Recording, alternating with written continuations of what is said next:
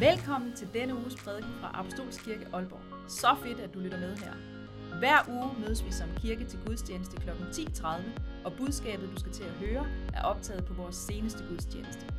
Inden vi slipper dagens prædikant løs i din øregang, vil vi gerne informere dig om, at billetsalget til konferenceweekend i september er i fuld gang. Vi glæder os til at bruge en weekend sammen med lækker mad, god kaffe, fedt fællesskab og stærke møder med Jesus. Det foregår i weekenden fra den 15. til den 17. september, og vi håber, at du vil være med. Find mere info og tilmeld dig på vores hjemmeside apkholborg.dk. Og nu ugens prædiken. Enjoy! Det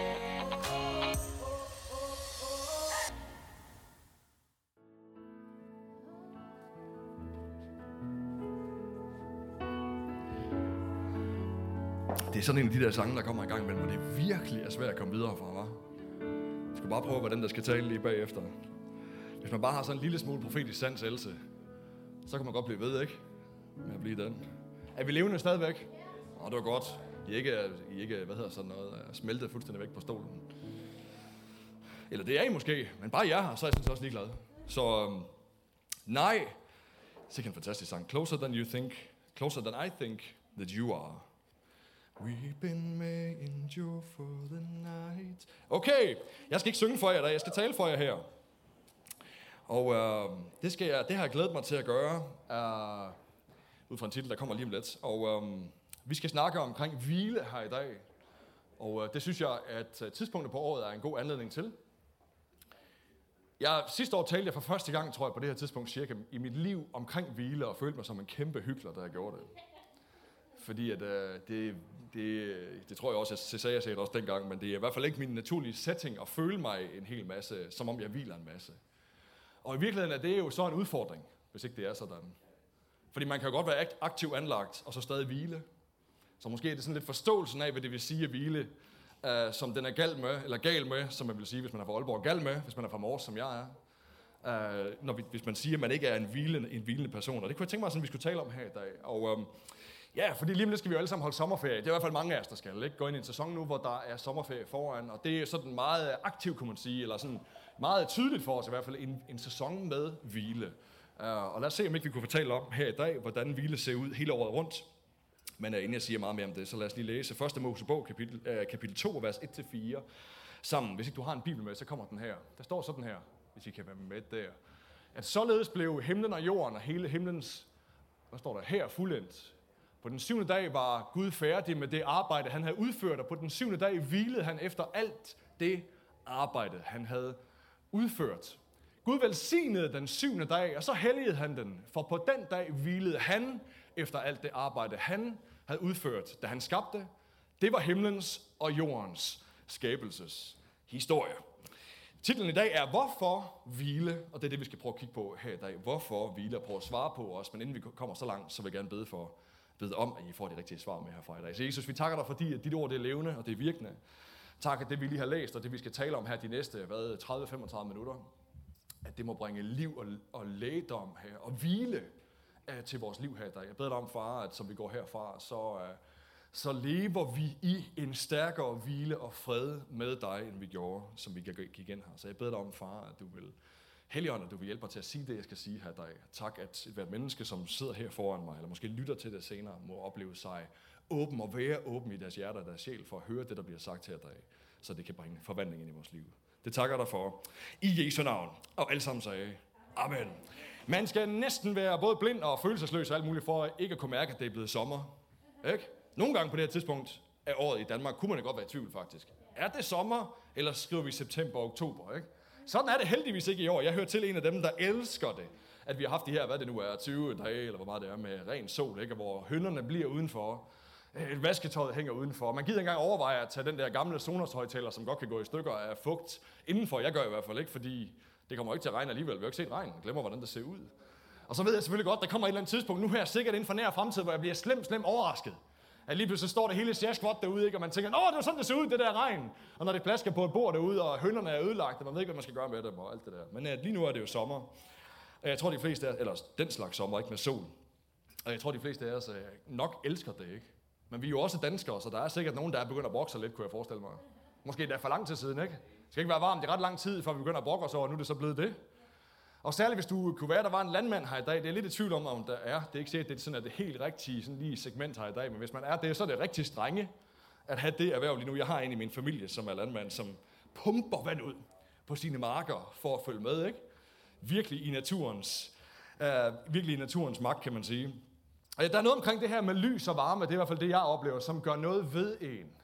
Det, jeg tror faktisk, i en eller anden grad, det forandrer os en lille smule. Måske genkender du det efter aftensmaden, når den er overstået, og selv efter at børnene er puttet, så er det som om, at dagen er ikke slut endnu.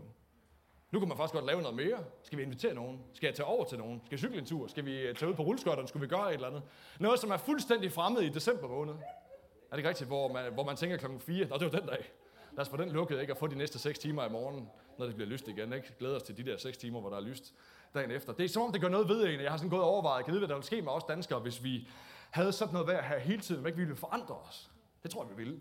Uden at jeg ved det, men jeg tror bare, vi vil blive sådan en lille smule mere australske eller sydeuropæiske, ikke? At chille lidt mere. Slappe en lille smule mere af. Knap så effektivitetsorienteret, fordi der er jo andet at lave, end bare at være effektiv, fordi solen skinner udenfor. Hvorimod det vi er vant til er jo, at øh, det regner hele tiden, ikke? så lad os få noget for hånden i stedet for, og lad os få gjort et eller andet med den tid, vi har.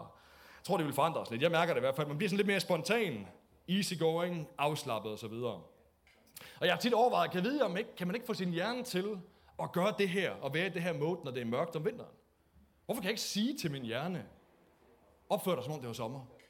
Så man fik noget mere ud af den dag der. I stedet for, at det er naturen udenfor, der bestemmer det, eller tidspunkter, hvor solen går op og ned. Men det kan man ikke. Jeg tror, det har noget at gøre med, at Gud har skabt os til det. Skabt os på en bestemt måde til at reagere på det, som er omkring os, det miljø, vi er i. Inden de vers, vi lige har læst, der, kom, der følger der sådan et helt kapitel med skabelseshistorie. Gud han sætter to lys på himlen. Et kalder han solen, et andet kalder vi månen. Jeg kan ikke engang huske, om han kalder det månen. Gør han det? Eller er det bare to lys? Det er også lige meget. Der er i hvert fald to lys på himlen. Det ene lyser om natten, og det andet om dagen. Der er sol og måne. Ved vi det? Så han har skabt os til at leve i en rytme. I sæsoner, at alle dage ikke er ens. Så det er det, som vejret, som vi oplever, er udtryk for. Og i Danmark mærker vi det jo ret meget, fordi der er rimelig stor kontrast. Der er sådan ret stor forskel på vores vinter og på vores sommer. Og andre lande er der mindre forskel, end vi har det. Jeg tror også, det er derfor, vi kan blive så glade for den, når den så endelig er der. Det er, fordi vi ved godt, hvordan en hård vinterdag ser ud også, ikke? Og omvendt, vi kan godt synes, at en hård vinterdag kan være fed, fordi vi har også prøvet noget andet, så de der ekstremer, kan man sige, dem kan vi egentlig, tror jeg, mange af os godt lide. Vi synes, det er lidt spændende, fordi så kommer de lige en gang om året på et tidspunkt. Ikke? Det er et udtryk for sæsoner, som er tydelige for os. Og som er en gudopfindelse. I prædikernes bog, kapitel 3, der, står, der siger prædikeren, at for alt under himlen er der en tid. For alting under himlen, apropos, som vi står og taler om, så er der en tid. Og så bliver der nævnt en hel masse sådan forskellige elementer. Tid til at leve, en tid til at dø, en tid til at rive op med rode, en tid til at plante igen. Og der bliver nævnt alle mulige forskellige ting. Og sådan summer så meget om på de der værste i kapitel 3 er, at der er, der er en tid, altså der findes sæsoner. Altid, altid og enhver sæson og enhver tid i dit liv er ikke det samme. Gud kan godt have forskellige ting for i dit liv i en bestemt sæson. Okay? Det er ikke den samme tid. Sæsonerne er ikke ens. Der er så-tid, og der er høsttid. Seed time and harvest time, som man siger på engelsk. Ikke? Arbejdstid, kunne du sige, og fritid. Det kender du jo. Der er tidspunkter, hvor man arbejder, og tidspunkter, hvor man har fri. Der er tid til indsats, og så er der tid til hvile, som er det, vi taler om her i dag. Og hvile, synes jeg jo, når man smager på det ord, er fuldstændig forrygende ord. Ikke? Hvile. I hvert fald svært ikke at gerne vil have det. Det er både det lyder som, og som man måske også associerer det med at have hvile, eller opleve hvile. Jeg ved ikke, om, det, om, om man kan hvile for meget. Kan man det? Det, det? det er næsten så positivt anlagt ordet i sig selv, at det næsten kun kan være en god ting i ens liv, at man hviler. At man har hvile i sit liv. På engelsk er det jo rest. At man rester. Og jeg ved ikke om med dig, om du bruger det så meget. Jeg vil skyde på, at der måske er flere ældre mennesker, som bruger ordet hvile, end der er yngre. Det er bare min teori, at man, hvil, man tager lidt hvil midt på eftermiddagen. Det kunne jeg aldrig drømme om selv at sige. Også fordi jeg kan ikke sove midt på eftermiddagen. Men jeg kunne ikke bruge, øh, drømme om at sige det alligevel, men jeg kunne godt forestille mig, at der var nogen hen, der kunne finde på at sige det. Jeg skal lige have mig et eftermiddags hvil. Jeg skal lige hvile mig lidt. Og nogle af os, der måske, jeg vil tro, det er fordi, man er yngre, eller har et andet sprog, ikke sådan at sige, vi chiller, jeg går lige hen og chiller lidt, ikke? Slapper lidt af, feder den lidt. Jeg slænger mig lige en tur. Jeg tager en morfar, sagde man for 10 år siden, det kan være, man stadigvæk gør det. Så til begravelser og til dødsfald, ikke, så siger man jo, eller det ser man jo ofte på Facebook og sociale medier og andre steder, hvor man kan skrive et eller andet, så skriver man rest in peace, og så er en eller anden person, der er død. Ikke? Hvil i fred, som man, man siger på dansk også. Når døden indtræffer, så tænker vi næsten sådan intuitivt som mennesker, at så er der hvile nu. Nu kan du hvile. Og det må jo betyde, at før døden var der ikke hvile. Ellers giver det ikke nogen mening, at vi tænker, at når døden indtræffer, så, så er der hvile. Nu kan du slappe af. Nu ligger du bogstaveligt talt ret meget ned. Det gjorde du ikke før det. Der må være et eller andet omkring det, vores måde at bruge det på, der siger noget om, hvad vi tænker omkring det. Den bibelske fortælling og det bibelske budskab er dog, at hvile er ikke noget, man skal vente på, til vi dør. Det er noget, man kan opnå og opleve i det her liv. Derfor så har Gud også indstiftet dem. Det skal vi tale om lige om lidt. I det vi lige læste om, i selve skabelsesordenen har han lagt hvile ind. Han lægger den dag ind her på syvende dagen. Ud af de der syv dage, så er der en af dem, han helliger til, eller indretter til at skal være en hviledag. Det er indbygget i Guds skabelsesværk. Og her i den her beretning, vi lige læste, der ser vi det jo så, at Gud han hviler sig oven på alt det arbejde, han havde udført. Der er ikke nogen, der har tænkt over det, hvor mærkeligt det er, at Gud hviler sig. Hviler sig. Hvorfor har han brug for det? Hvile sig. Specielt med tanke på, at han jo ikke synes, jeg skulle gøre ret meget for at skabe alt det, han skabte. Jeg ved godt, det var stort, det han skabte. Det er langt over noget, jeg har, jeg har gjort, ikke? Arne, du har været med mig ud og hjælpe med at sætte noget el op og sådan noget ude i huset i Aalborg Øst. Det var også meget fint, det vi har lavet der. Men det er ikke sådan helt skaberværk, vel? Altså, det er, ikke, det er jo en lille krog af det, som Gud han har skabt, som vi går og råder med i det daglige. Uanset hvor stort det, du laver i det daglige, så er det meget, meget lille i forhold til alt det, som Gud han satte i værk på de der første seks dage. Så ja, stort var det, men han, han havde ligesom nogle værktøjer, som du og jeg jo ikke har. Jeg skal jo i Silvan og hjem og fikse for at hente det, jeg skal bruge nogle gange, når jeg skal fikse noget. Gud, han kunne bare tale. Så skabte han det, han ville have. Det er sådan et ret vildt power tool, ikke? At kunne tale, og så bliver alting. Fordi at hans ord, det rummer kraft og skaber det, det nævner, som Bibelen også siger. Det gør det også igennem din mund i øvrigt. Når vi taler det, som Guds ord siger, når vi informerer os selv og fylder os selv med Bibelen, som vi kalder det igen i daglig tale, og vi taler det, den siger, så skaber det faktisk noget. Men det gjorde det også for ham, og han viser os der i de der første seks dage, i de første kapitel i Bibelen, at når Gud siger noget, så skaber det noget. Så det var det værktøj, han brugte. At tale, at puste luft ud af sine lunger, og hvad der nu sker igennem munden, når det skaber lyd og bliver til noget, og så skabte alting omkring sig. Så var du her lige pludselig på den 6. dag. Så stod du her, eller Adam stod her lige pludselig. Og så står der så det her, vi lige har læst, at han hvilede sig om på alt det arbejde, han havde gjort. Ja, det han i virkeligheden gjorde, var jo at hvile sig om på alt det snak, han havde gjort, ikke? Du kender det, René, ikke? Man kan få brug for sådan lige at hvile sig bagefter, når, der har været, når ordene har været mange. Så kan hjernen faktisk godt blive lidt træt. Det er der nogen af os, der oplever og kender. Fuldstændig relateret til, hvordan Gud må have haft det der på syvende dag, og nu, nu skal han hvile bagefter. Hvilket vi da ej, det er da mega mærkeligt, at han bare taler, og så bliver tingene. Forestil dig, hvis jeg kom til en arbejdsgiver og sagde, jeg vil gerne have 14 dages eller en måneds overlov til at bygge mit hus. Nå, okay, her. Hvordan har du tænkt dig at gøre det? Jeg har tænkt mig at sætte ned og snakke til det. Og så bliver det, jamen hvorfor skal du så have en måned? Du ikke bare gøre det nu, og så kom bare arbejde igen i morgen.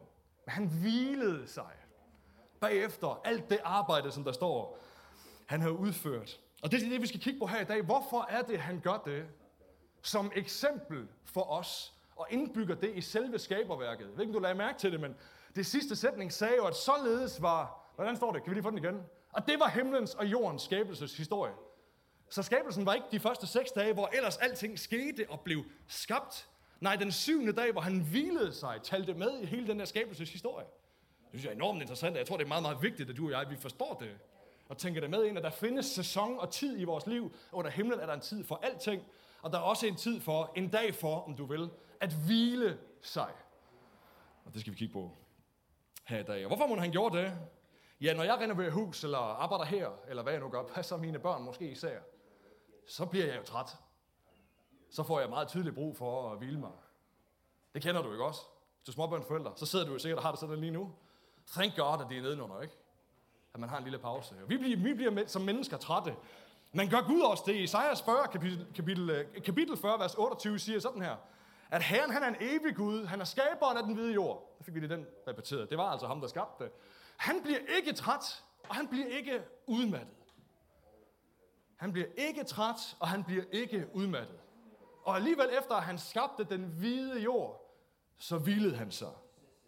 Han blev ikke træt, men han hvilede sig. Han er altså ikke ligesom du og mig, du og jeg. Jeg skal kigge på det lige om lidt, og jeg skal prøve at dokumentere det ved Bibelen, selvom jeg ikke behøver det. Men du kan jo godt blive træt. Jeg kan godt blive træt. Jeg bliver udmattet. Jeg får lyst til at gå tidligt i sengen. Modvillig mod at stå op om morgenen og alt muligt andet. Fordi jeg er et menneske, jeg er træt, jeg er skabt af ham, og på det område, der, der ligner jeg ham, ikke? Jeg kan ikke blive ved så længe, som han kan. Som Gud han kan. Og det vi nu skal kigge på, det er sådan tre svar på, hvorfor hvile. Det var titlen her i dag. Hvorfor hvile? Og uh, man kan godt uh, finde flere, man kan også godt pakke dem mere ud, men sådan, jeg har kogt dem ned til tre i dag, som jeg rent faktisk tror er sådan rimelig fyldskørende i forhold til at give os et svar på, hvorfor har vi brug for hvile, og hvad siger Gud om det? Hvad havde han tænkt for vores liv omkring det? Det første, det er måske den åbenlyse, men at for at restituere. Vi har brug for at restituere. Nu sagde jeg det jo før, at hvile på engelsk vil man jo typisk kalde rest, eller sige rest. Det kommer ud af det ord der, restitution. At restituere. Så det ligger i det, at igennem hvilen, der er der noget, det er som om du bliver bygget lidt op igen, ikke? Ligesom din krop og dine muskler har brug for det, hvis du har trænet, eller har gjort en eller anden indsats, så har man brug for en tidsperiode bagefter, hvor du ikke gør det, for at dine muskler kan restituere, kan bygge sig selv op og falde på plads og hvile sig igen. Således har du og jeg det også. Det ved vi alle sammen godt, men lad os lige læse her, hvad Bibelen i de næste vers, efter det vi lige læste i Isaias 40 her, siger.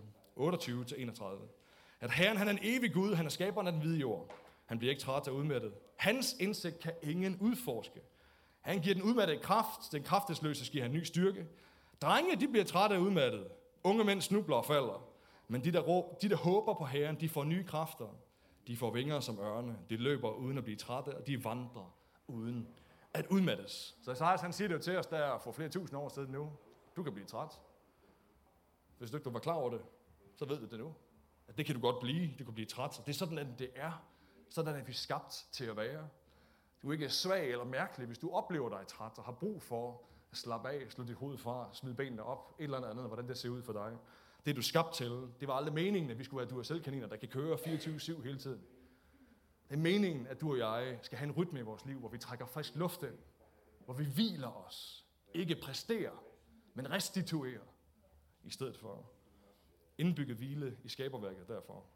Og syndefældet er jo, at arbejdet det blev slidsomt. Nogle af jer vil vide det, at i kapitel 2 og kapitel 3, hvor Adam og Eva sønder imod Gud, så er en af konsekvenserne derefter, at nu skal de begynde at arbejde, og så skal de tjene til dagen og vejen i deres ansigtssved. Og den, den måde, det præsenteres på, får det til at lyde som om, at sådan var det altså ikke før. Så det vil sige, at arbejdet, som dog var der, ikke var slidsomt før. Og Eva får den her, kunne du sige, forbandelse, om du vil, at fødslen også skal blive hård. Underforstået, at det var meningen, du skulle føde, men det skulle ikke have gjort ondt. Så der er noget, der forandrer sig der. Og det er du og jeg, grunden til, at vi sådan har brug for den der restitution den dag i dag, som mennesker, er fordi at arbejdet, på grund af synd og på grund af det faldende natur, så er det blevet slidsomt for os. Hele livet dybest set, det er jo ikke bare arbejdet, det handler om, men hele vores liv er slidsomt på, på en måde, det aldrig var Guds op, oprindelige tanke, at det skulle være. Og derfor så har vi brug for at finde hvile. Så vi har brug for restitution, fordi vi kan blive trætte, og vi kan blive udmattet. Det er også derfor, Gud han giver de ti bud. Og hvor det tredje er omkring at holde hviledagen hellig, siger han til israelitterne, efter de har forladt Ægypten, er blevet befriet fra, fra Ægypten, og de er ude i ørkenen. Så giver han dem ti bud gennem Moses, og det tredje det er at holde, kom hviledagen i hu og se til, at I holder den hellig. Sørg for at holde fri. Det er jo egentlig et fantastisk bud, ikke? Tag en fridag. Åh, det var hårdt, var. De andre ni er meget sværere. Den, der, den, den tager jeg det gladeligt imod. Men du skal forestille dig, hvad for nogle mennesker det her det var. Afhængige af naturen. Apropos landmanden, som vi lige snakkede om lige før, som kan have en udfordring med sådan noget vejr, som vi er i lige nu. Totalt afhængige af naturens luner omkring sig. Afgrøder og så videre. Så for dem at få at vide, at du skal tage en dag i ugen, hvor du lader være med at producere noget, og ikke så let igen at gøre det. Det skal vi tale mere om her lidt senere. Men efter de er blevet befriet fra Ægypten, og de kun kendte til at yde og knokle, hele deres identitet igennem 400 år som folk det var, at vi er kun det, vi præsterer. Vi er kun det, som farao får ud af os i Ægypten. Vi er, vi er dyr, vi er væsener, kreaturer, whatever, som skal bruges til at skabe noget for nogle andre, og vi har ikke andet værdi end det. Så når jeg ikke kan yde mere, så ryger jeg ud. Og jeg får kun lige nøjagtigt nok mad til at kunne gøre det, jeg skal. Det er dem, vi er. Det er det, jeg er. Så når Gud han på den måde siger til dem, at I skal holde en hviledag, så er det også meget for at få dem ud af den der mentalitet omkring, at jeg er kun det, jeg kan producere. Og at producere er mit liv. Så siger han til dem, nej, du skal tage en hviledag, og du skal holde den hellig. Du skal passe på den. Det er jo også et af de få bud, som der er dødstraf for at ikke at overholde. Et af de få bud. Ja, det var meget, noget mere nærliggende at slå en. Altså, du ved, at man fik dødstraf for at slå et andet menneske ihjel. Men her, Gud, han, han, han indstifter dødstraf for ikke at holde hviledagen hellig. Jeg tror, det er, fordi han ved, at hvis ikke du holder den hellig, hvis ikke du hviler dig, så dør du. så er du alligevel færdig. Så lever du alligevel ikke det liv, du skulle have levet. Så han har skabt os til at hvile og restituere. Trække frisk luft ind i vores lunger. Trække frisk luft ind i livet, har jeg lyst til at sige. Fordi der er noget af det selvfølgelig, som er vores krop, men der er også noget, som er vores, der er vores sjæl og hele vores oplevelse af at være til. Hvor vi har brug for frisk luft. Modsat andre de andre dage, hvor vi puster ud, kunne du sige. Som er det ord, som der bliver brugt, når, Jesus, nej, undskyld, når Gud taler og skaber. Det er at puste ud. Derfor sagde jeg det lige før, det er jo den måde, man danner ord på, det er ved at puste ud. Og den dag, hvor han hviler, er det, er det gamle hebraiske ord for Shabbat, som betyder at stoppe eller at trække luft ind. Så på den syvende dag trækker Gud luft ind, modsat det, han har gjort de andre seks dage, hvor han pustede luft ud.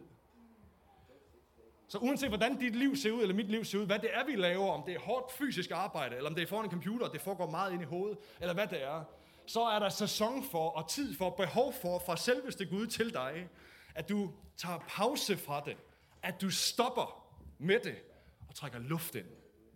Og det er hans tanke for dig, at det skal være sådan. Vi har brug for det, vi kan blive trætte, vi kan blive udmattet, stik modsat. Stik modsat Gud. Sørg for, at for at trukket frisk ind løbende, også den her sommer. Det er jo nærliggende at gøre det nu, men det er ikke kun nu.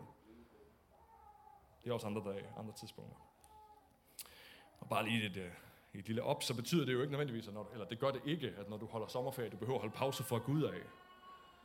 Han skulle helst ikke være arbejde for os. Han skulle netop gerne være hvilens vande, som salme 23 taler om, at han leder os til. Okay. Nummer to er, hvorfor hvile? Så er nummer to, for at nyde. For at nyde. Jeg har glædet mig til at tale, om, at tale omkring det her.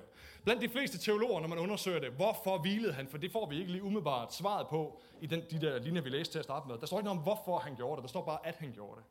Så det skal man sådan researche sig til og lægge nogle andre skriftsteder sammen til for at finde ud af, hvorfor gjorde han det. Så er langt de fleste sådan teologiske, både retninger, men også nogle af de allerdygtigste af slagsen, de er enige om, at han hvilede sig for at nyde det, han lige havde skabt. Så de seks dages arbejde satte sig ned formentlig i en mega god outdoor campingstol, som vi lige har købt til vores telt på sommercampen. Satte sig ned i den med nakkestøtte og kiggede på det, han lige havde lavet og nød det. Hvis du kan, læser det første kapitel af første Mosebog, så kender du helt sikkert, nogle af jer vil i hvert fald kende det, at hver gang Gud havde skabt noget, det står der fem gange, så så han, at det var godt. Første fire gange, der, der kigger han på det, han har lavet, og så, at det var godt. Og den femte gang, da det handlede om menneske, så så han, hvor godt det var. At det var så godt. Så da han der den syvende dag sætter sig ned, så er det for at nyde det gode arbejde, jeg lige har lavet. Nu så er der simpelthen tid af til at sætte mig ned og være tilfreds med det, jeg har gjort. Frem for at bare sætte det næste projekt i gang. Eller forandre det, tweake det, udvikle det. Så sætter jeg mig ned og tager mig tid til nu. Og kigge på det, jeg har lavet. Og nyde det på syvende dagen. Han er en nydende Gud, selv med 104, vers 31 siger sådan her. At Herrens herlighed skal vare evigt. Amen. Og Herren skal glæde sig over sine værker. Han er altså en Gud, som glæder sig over det, han laver. Det er ikke bare projekter eller hjernedødt eller sådan et eller andet, der har et instrument, instrumentaliseret, hedder det vel, formål. Det skal noget andet. Nej, han sætter sig ned med det, han laver, inklusiv dig og mig og alt omkring os, og nyder det. Jeg tror faktisk også, det er derfor, nu var jeg ved stranden i går. Det ved jeg også, du var, Samuel. Er der andre, der var i Blokhus eller Vesterhavet i går og nyde det? Nej, det var jeg i hvert fald, og jeg elsker at stå der, eftersom jeg er blevet en lille bitte smule ældre, og stå og kigge ud over havet. Og den der fornemmelse af, at han har skabt alt det her alt det her vand, som jeg kan stå og køre min, min fødder igennem. Kender det der med, at man kan komme i kontakt med det sådan at gå og næsten blive sådan helt små filosofisk? En fornemmelse af, wow, jeg er til stede her. Altså sådan, det her vand, det omkranser mine tæer, ikke? Og sandet er også rart. Og pludselig kan man ikke høre børnene, der skriger mere. Man er bare så optaget af, at alt det gode Gud har skabt, ikke? Eksklusivt dem lige i øjeblikket. Nej, det er gas. Den der fantastiske oplevelse af det, jeg tror, det var det, han gjorde. Han satte sig ned og kiggede på alt det, han havde skabt, og nød det. Glædede sig over det. Og det samme er hans ønske for dit og mit arbejde. At det, du ernærer dig ved hver dag, det, du bruger din tid på hver dag, det, som fylder noget, om det er det, du tjener dine penge på, eller om det er de andre opgaver i livet, det vi tager os til, vores, igen vores børn, vores familieliv, vores indretning derhjemme, det hele. Jeg tror, det er meningen. Jeg er overbevist om, at det er meningen, at Gud ikke har skabt os til at gøre ting bare for tingenes skyld, men for at kunne sætte os ned også og tage os tid til at glæde os over det. At vi har det. At vi får lov til at være i det, og vi får lov til at forvalte det, han i udgangspunktet har skabt til os at være i. Det var noget af det første, han sagde til Adam og Eva. Work it, jeg elsker det på engelsk, i NIV-udgaven, så siger han til det, den her jord, har jeg, eller alt det her have har jeg givet til jer. Work it and keep it. Work it and keep it. Arbejd med det. Og hold det. Forvalterskab. Og så vi skal sætte os ned og nyde det, som vi har lavet. Du kender det jo sikkert igen. Jeg har renoveret et hus for dig for to år siden, og er ikke helt blevet færdig. Det er jo, jeg ved, om vi bliver det. Men når man sætter sig bagefter, når man har lavet noget, en lang arbejdsdag, ikke? og man kigger på det og er forhåbentlig tilfreds med det. Jeg så billedet fra jer i går, altså Maria og Jos, I har fået en helt gavl med nye vinduer, I ikke ser fantastisk ud. Man skal lige huske bagefter, det tror jeg også, du er god til. Måske er I begge to gode til det. Og sæt jer ned og kigge på det og være tilfreds med. Nu fik vi det gjort. Ja. Det er en god følelse. Og det er, det er Gud vel behageligt, at vi gør det. det. Jeg kan nogle gange have en fornemmelse af, som, som Jesus efterfølger, så kan vi godt have lidt svært med den slags. Fordi vi kan være der sådan lidt, at kan vide, betyder alle de her ting overhovedet noget for Gud? Alt det, jeg bruger sådan mit liv på, det der faktisk fylder ret meget for os, betyder det noget for ham? Ja, det gør så. Hvis vi vel og mærke i hvert fald glæder os over det, og har den der, det perspektiv med, at han har givet os det til at forvalte det. Og som vi så glæder os over det, han har givet os, så tror jeg, det glæder hans hjerte. Prøv at se, hvad der står sådan her igen i Prædikernes bog, kapitel 3, vers 13. Lige nogle vers senere, end det vi læste før. Men at menneske kan spise og drikke og nyde frugten af deres slid, det er en gave fra Gud af. Men at menneskene kan spise, kan drikke og nyde frugten af deres slid, det er en gave fra Gud af. Så du sætter dig ned nogle gange og kigger på det, du har lavet. Samuel, når du har været afsted på en lang dag og bygget et eller andet som tømmer. Observer det. Vær glad for, at du fik det gjort. Tilfreds med, at du leverer noget godt til den, der har bestilt arbejdet. Det er Gud vil behageligt, at vi gør det.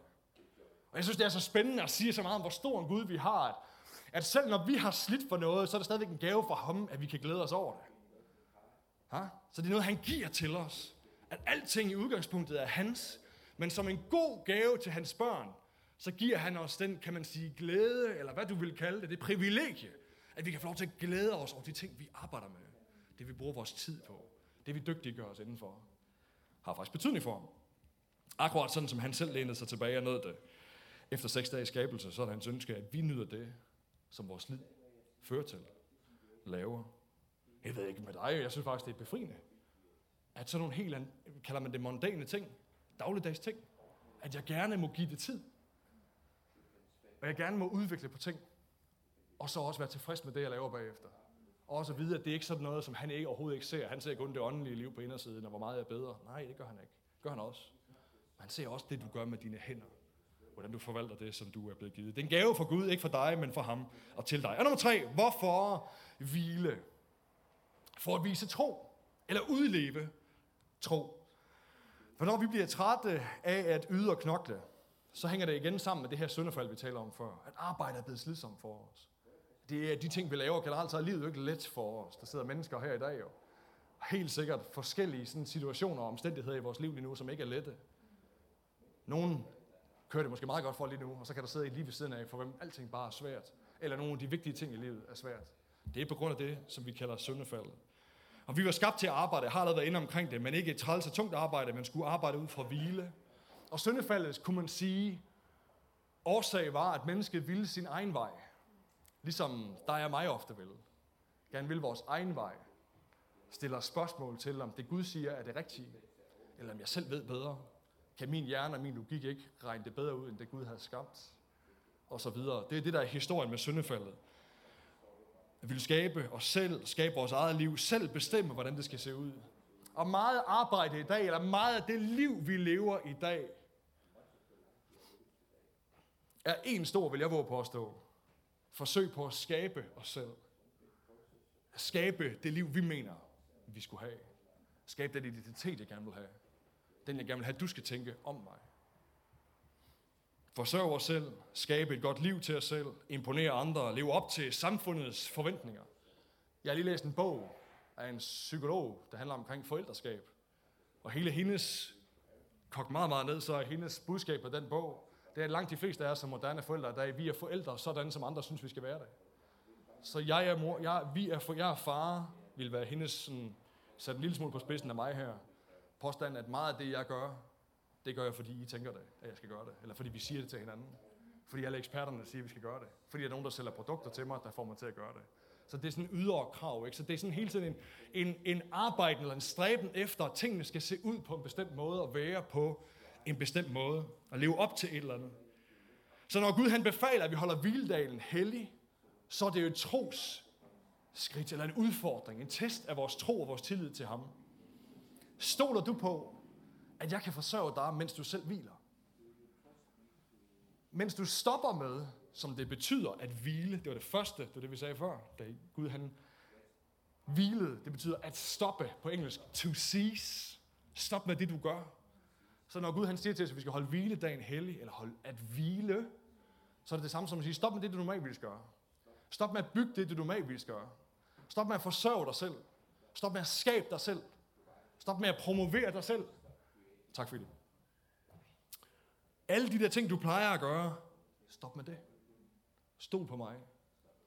2. Mosebog kapitel 20, vers 8-11, der får vi lige de der vers, er fået til før, hvor Gud han giver det til israelitterne. Husk sabbatsdagen og hold den hellig. I seks dage må du arbejde og gøre alt, hvad du skal. Men den syvende dag er sabbat for Herren din Gud. Der må du ikke gøre noget som helst arbejde.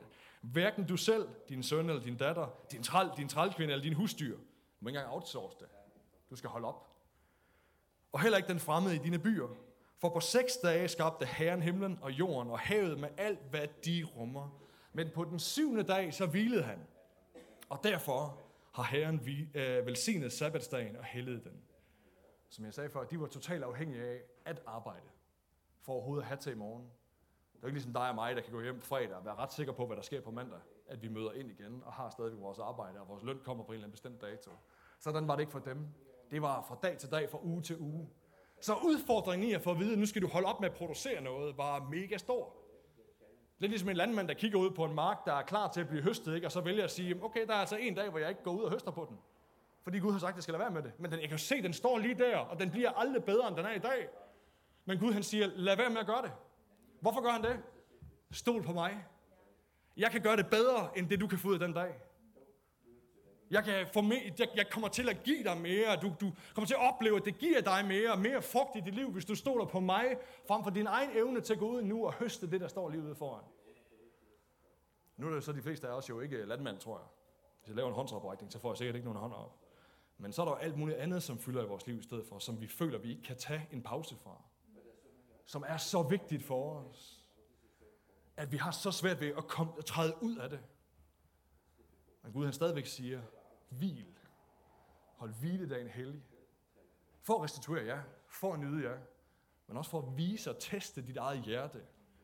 Så jeg kan få lov at se, at du stadigvæk helt på mig. Stoler du mere på mig, end din egen evner til at høste, end din egen evner til at skabe. Stoler du på mig? Karl Emil, er du har stadig, du kommer så at spille lidt der. Så lover jeg for, at det bliver salvet, det, der kommer nu. Nå, det var en joke. Den faldt i tør grund, kunne jeg godt mærke. Jeg kan huske, at du, og min, min far, Torben, som sidder her, som arbejder på Dell, fortalte mig en historie, det er ikke sikkert, jeg kan huske alle detaljerne nu, men uh, nu ser jeg det sådan cirka, som jeg kan huske det. Både hos en landbrug, landmandsfamilie som barn, eller også kendte du nogen, men som i hvert fald holdt deres søndag fri. Hele året rundt. Uanset høsttid, såtid, hvad det var. Holdt søndagen fri, det var deres hviledag. Holdt den fri, og aldrig manglede noget. Og som jeg husker det, historien var, aldrig manglede noget. Oplevede sig velsignet. Oplevede, at det, de lagde deres hænder til, fungerede. Ikke en oplevelse af, at så misser vi jo den der kæmpe høst, vi skulle have haft på den der ene dag. Nej, det modsatte. At det vi til gengæld laver, det vi har, det er velsignet. Det er som om, at Gud er med i det. Og han, han lader det, vi så gør de andre seks dage, bære mere frugt, fordi vi giver ham den der dag. Ha? Det er tros. Det er troselement at hvile sig. Troens test. Tro på, at Gud har styr på det, som jeg ellers selv gerne vil og føler, at jeg, at jeg skal. Og vi er jo ikke landmænd, men vi har mange andre projekter. Også projekter med deadlines, som vi synes skal være færdige. Vi har nogle gange en fornemmelse af, at mange af os, vi kan have en fornemmelse af, og en følelse af, at vi faktisk er kronisk bagud på deadlines. Og på ting, vi skal nå. Sådan har jeg det i hvert fald selv. Nærmest altid mere at lave, end jeg synes, jeg har tid til. Jeg tænker, kunne man få lidt mere end 24 timer i døgnet? Og svaret er altid, nej, det kan du ikke. Og så er det jo svært, var og udfordrende og provokerende, når Gud han siger, hold hviledagen hellig. Du er allerede bagud. Tag en af dem og giv dem til mig. Og jeg er lidt i tvivl om, om, Gud, om Jesus eller Gud ville have sagt det samme til dig og mig, der bor i Danmark i dag, hvor vi arbejder i hvad, 36-37 timer i snit i ugen. Om han ville sige det samme, om vi skulle tage en hel dag, fordi vi har jo allerede to lørdag og søndag, og vi har nogle gode lange aftener fri. Jeg ved ikke, hvad hans udfordring vil være, om det vil være den samme. Jeg er ikke sikker på det. Jeg tror, han vil kigge på det, som fylder. Alle de der ting, som måske for os er en lille smule sværere at få fat i, fordi det er ikke så konkret som det der afgrøde på marken. Men det er igen vores egen selvskabelse. Vores egen selvpromovering. Vores egen stræben efter at blive verdens bedste forældre. Alt det der andet, der fylder så det meget i vores liv. Din studieplads, hvor der er deadline på mandag, men du har en indre stemme, der siger, tag i kirke på søndag og lav lidt mindre hen over weekenden. Jamen, jeg er bagud. Ja. Prøv at se, om jeg, kan, om jeg ikke kunne make up for it. Om jeg ikke kunne sørge for, at din, din opgave bliver til mere, hvis du giver mig den dag. Tag afsted. Du er med i en hotelgruppe, en gruppe, som vi kalder den til efteråret, eller fra efteråret af. Jeg har ikke tid til det. Jeg har jo arbejde, der skal laves. Ja. Prøv at teste mig og se, hvad der sker. Hvis du nu holder det, der, der, har mit, der er mit hjerte nært, relation med andre mennesker, relation sammen med mig, hvis du, hvis du giver det prioritet i dit liv og holder det helligt, og se, hvad der så sker med resten af det, du, du laver, og alt det, du gerne vil. Jeg tror, det er nogle vigtige spørgsmål at stille os selv. Jeg kan ikke sige til dig i dag, hvad det er, fordi vi lever nogle helt anderledes liv i dag på det område. Men der er noget omkring det her med at holde det helligt, at forstå og acceptere, at Gud han giver os sæsoner, og at hvile, og selvom det lyder så godt, som jeg synes, det gør, udfordring for os, fordi det tester vores tro. At vi ikke skal producere noget, ikke skal skabe det selv. Jamen, jeg er jo ansvarlig anlagt. Ja, jeg er bare bedre end dig, siger han. Jeg gør det bare for at tage ansvar. Ja, jeg er bare langt bedre, end du er til at tage ansvar for det. Så giv det til mig. Eller er jeg i virkeligheden bare sådan en fairy tale ting for dig, som ikke rigtig kan det, du siger eller tror? Eller tør du put it to the test? Tør du leve, som om jeg faktisk er der? Som jeg rent faktisk er en bedre landmand end dig?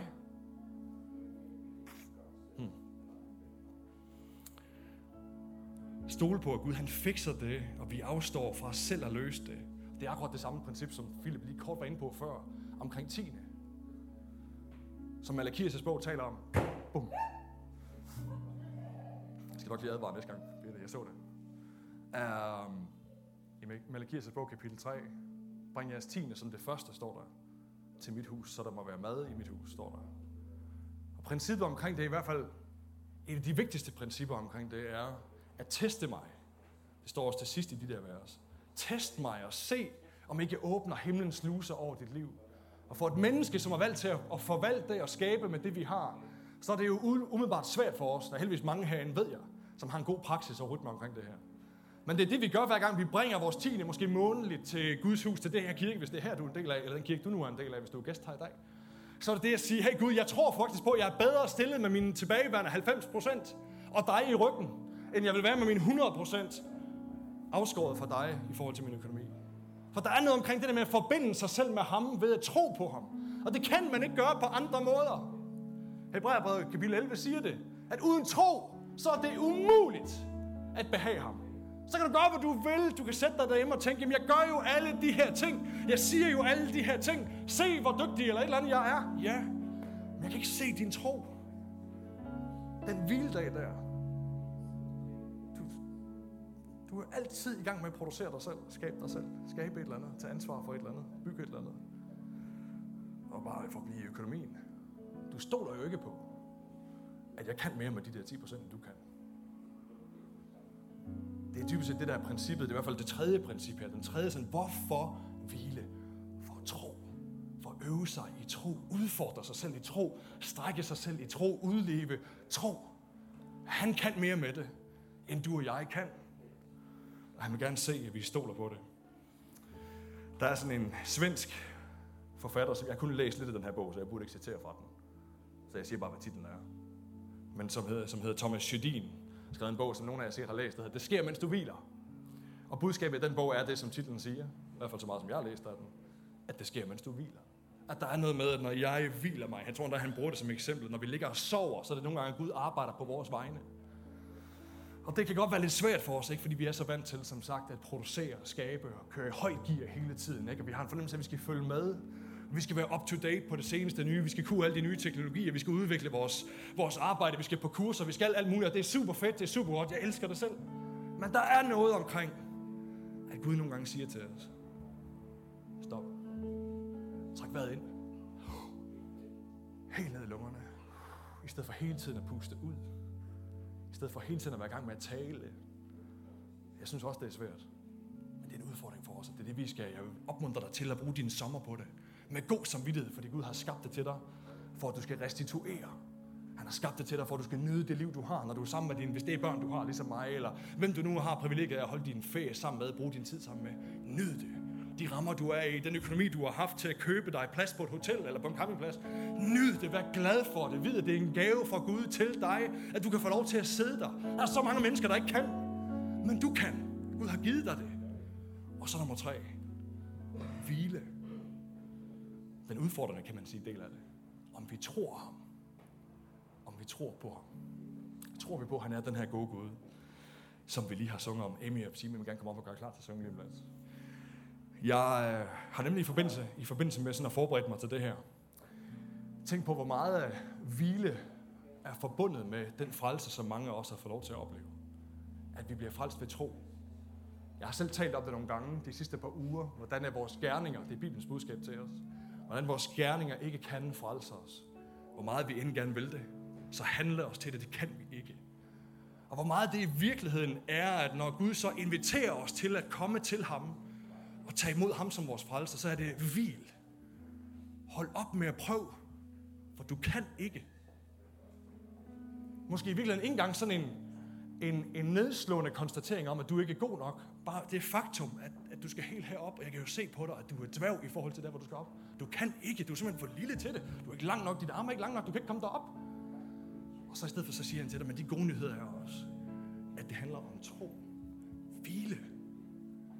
Kom til mig i stedet for. Tro på, at jeg kan få mere ud af det, af dit liv, end du selv kan.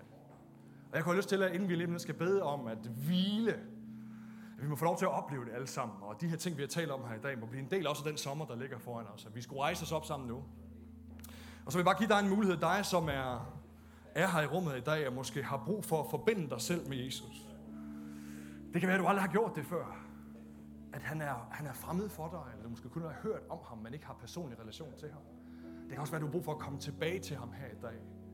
Og afstå fra at prøve at komme til ham og strække dig imod ham. Og så stå her i dag med hvile ind foran ham og vide, at den eneste vej, man kan komme til ham på, det er tro igen, hans søn Jesus. Det er måden, man kommer til det på. Du kan gøre noget. Jeg kan ikke gøre noget. Der er ingen af os, der kan.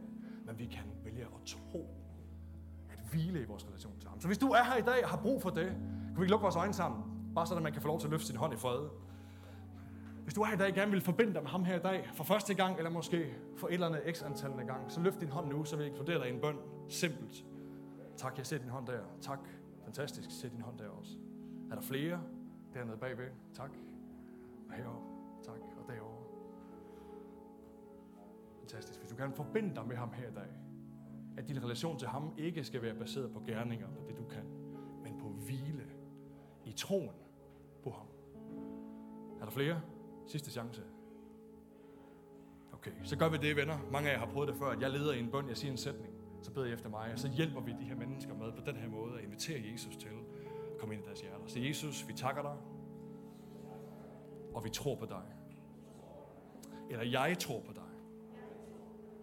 Og den her dag, så inviterer jeg dig til at flytte ind i mit hjerte. Og rense mig ren. Og tag al præstationen væk. Alle mine ønsker om at skabe mig selv. Og så beder jeg dig om, at du vil erstatte det med hvile. Med tro. Tiltro. Og tillid til dig. Så i dag, der giver jeg dig mit liv.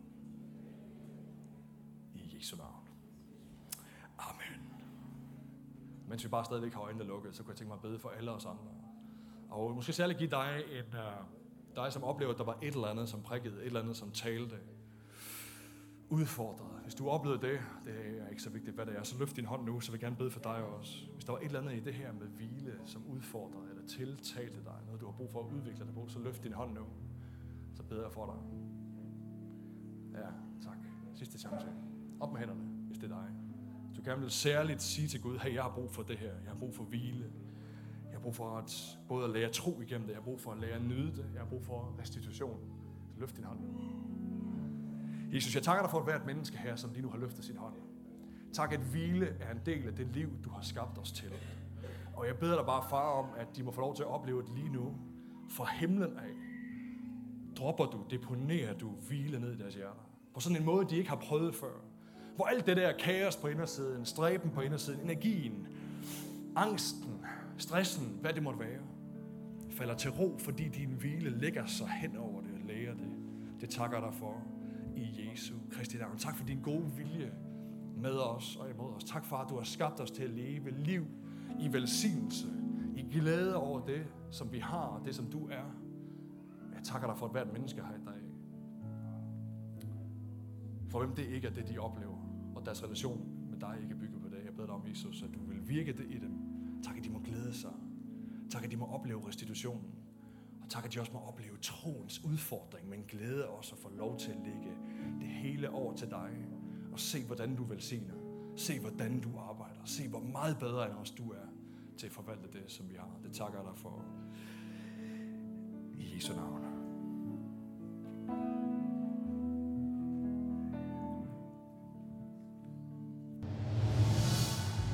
Tak fordi du lyttede med i dag.